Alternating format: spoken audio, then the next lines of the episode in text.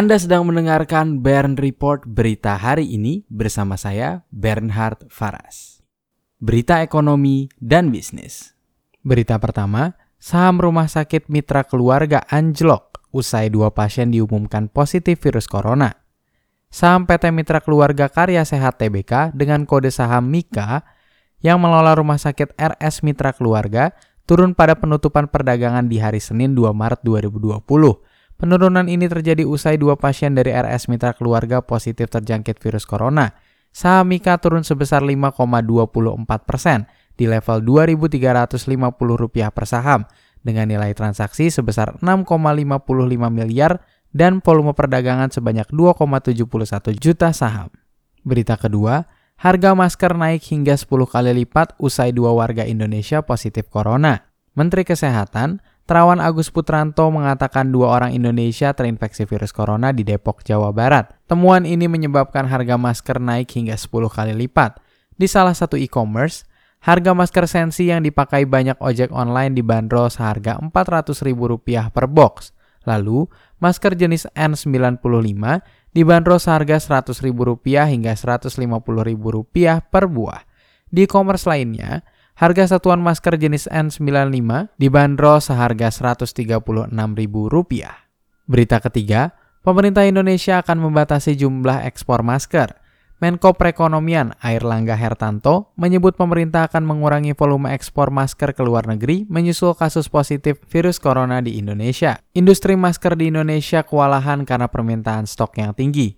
Ketua Indonesian Non-Woven Association atau biasa disebut INWA, Billy Hijaya, menyebut bahan baku masker bergantung pada negara-negara yang terkena wabah virus corona, seperti Cina dan Korea Selatan. Hal tersebut menyebabkan distribusi terhambat yang berdampak pada produksi. Berita keempat, penumpang pesawat rute internasional turun 2,22 persen pada Januari 2020.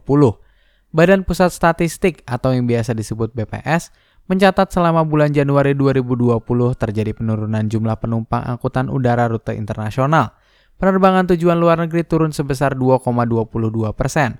Rute penerbangan domestik juga mengalami penurunan 9,85 persen dibandingkan dengan Desember 2019.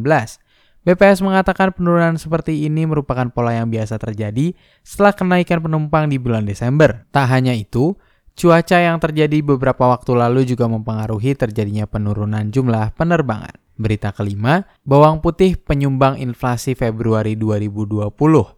Badan Pusat Statistik mencatat angka inflasi di bulan Februari sebesar 0,28 persen.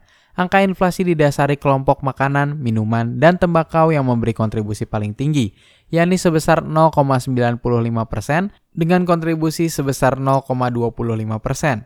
Bawang putih tercatat sebagai penyumbang inflasi tertinggi yakni sebesar 0,09 persen.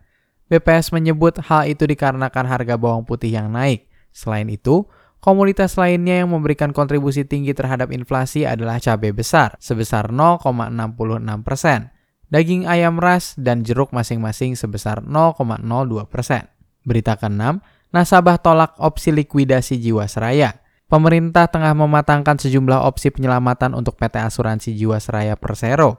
Beberapa opsinya yakni melalui dari bailout, bail-in, hingga likuidasi. Beberapa opsi ini akan diputuskan pada akhir Maret 2020 para nasabah keberatan dengan opsi likuidasi Jiwasraya, sebab aset yang dimiliki Jiwasraya hanya sebesar 2 triliun rupiah.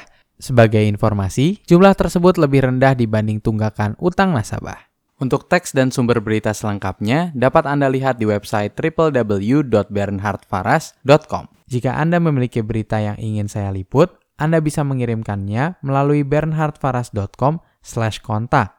Terima kasih sudah mendengarkan Bern Report berita hari ini.